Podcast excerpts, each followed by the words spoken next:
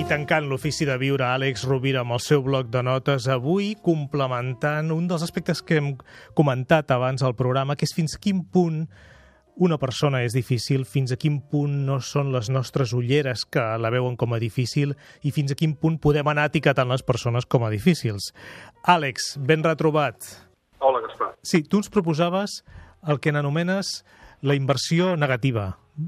Sí, jo, escoltant el programa d'avui, em venia al cap la tècnica de The Work, és a dir, el treball que proposa aquesta dona americana tan lúcida, la Byron Katie. Recordem que The Work és una tècnica per presa de consciència d'aquells pensaments o creences que d'alguna manera limiten la nostra relació amb la realitat i, si et sembla, faríem un repàs de quines són les preguntes i després de la tècnica de la inversió que, que proposa la Byron Katie. Molt bé, magnífic. Agafem un supòsit d'una persona que diem, mira, aquesta persona és egoista, narcisista i va sempre a la seva. La primera pregunta que proposa Byron Katie és, és això cert? Normalment, si ho dius, la resposta natural és que diràs que sí, que és cert.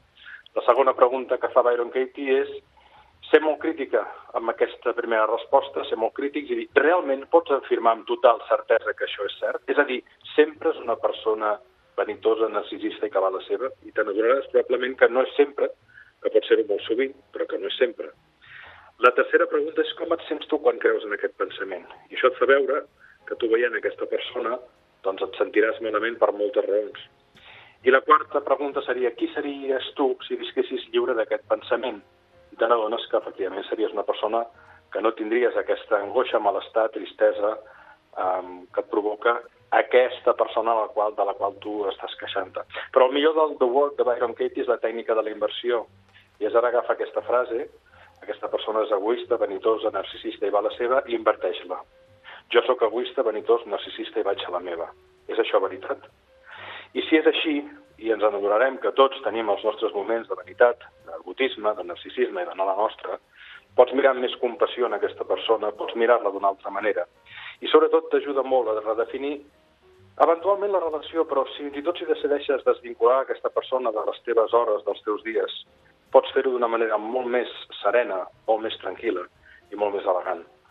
Recomano eh, el treball de Byron Katie, The Work, perquè de vegades és cert que amb persones amb les quals no tenim una relació afable podem tenir un esclat no controlat, fins i tot una catarsi en un procés determinat, però això ens ajuda molt a connectar amb la compassió i eventualment eh, trobar una manera de fer més plàcid tant el procés de la relació si la decidim mantenir, com el procés de la relació si la decidim trencar.